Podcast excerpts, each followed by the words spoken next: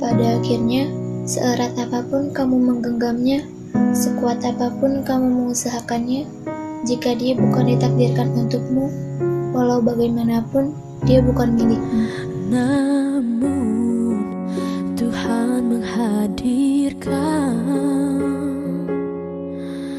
Ketahuilah, boleh jadi kamu menganggap sesuatu baik untukmu, padahal menurut Allah belum tentu baik untukmu. Untukmu yang sekarang sedang bersedih, ingatlah, Allah hanya memberi kesedihan kepada kita sedikit untuk digantikan dengan kebahagiaan seluas langit. Andai ada keajaiban Ingin ku ukirkan Namamu di atas bintang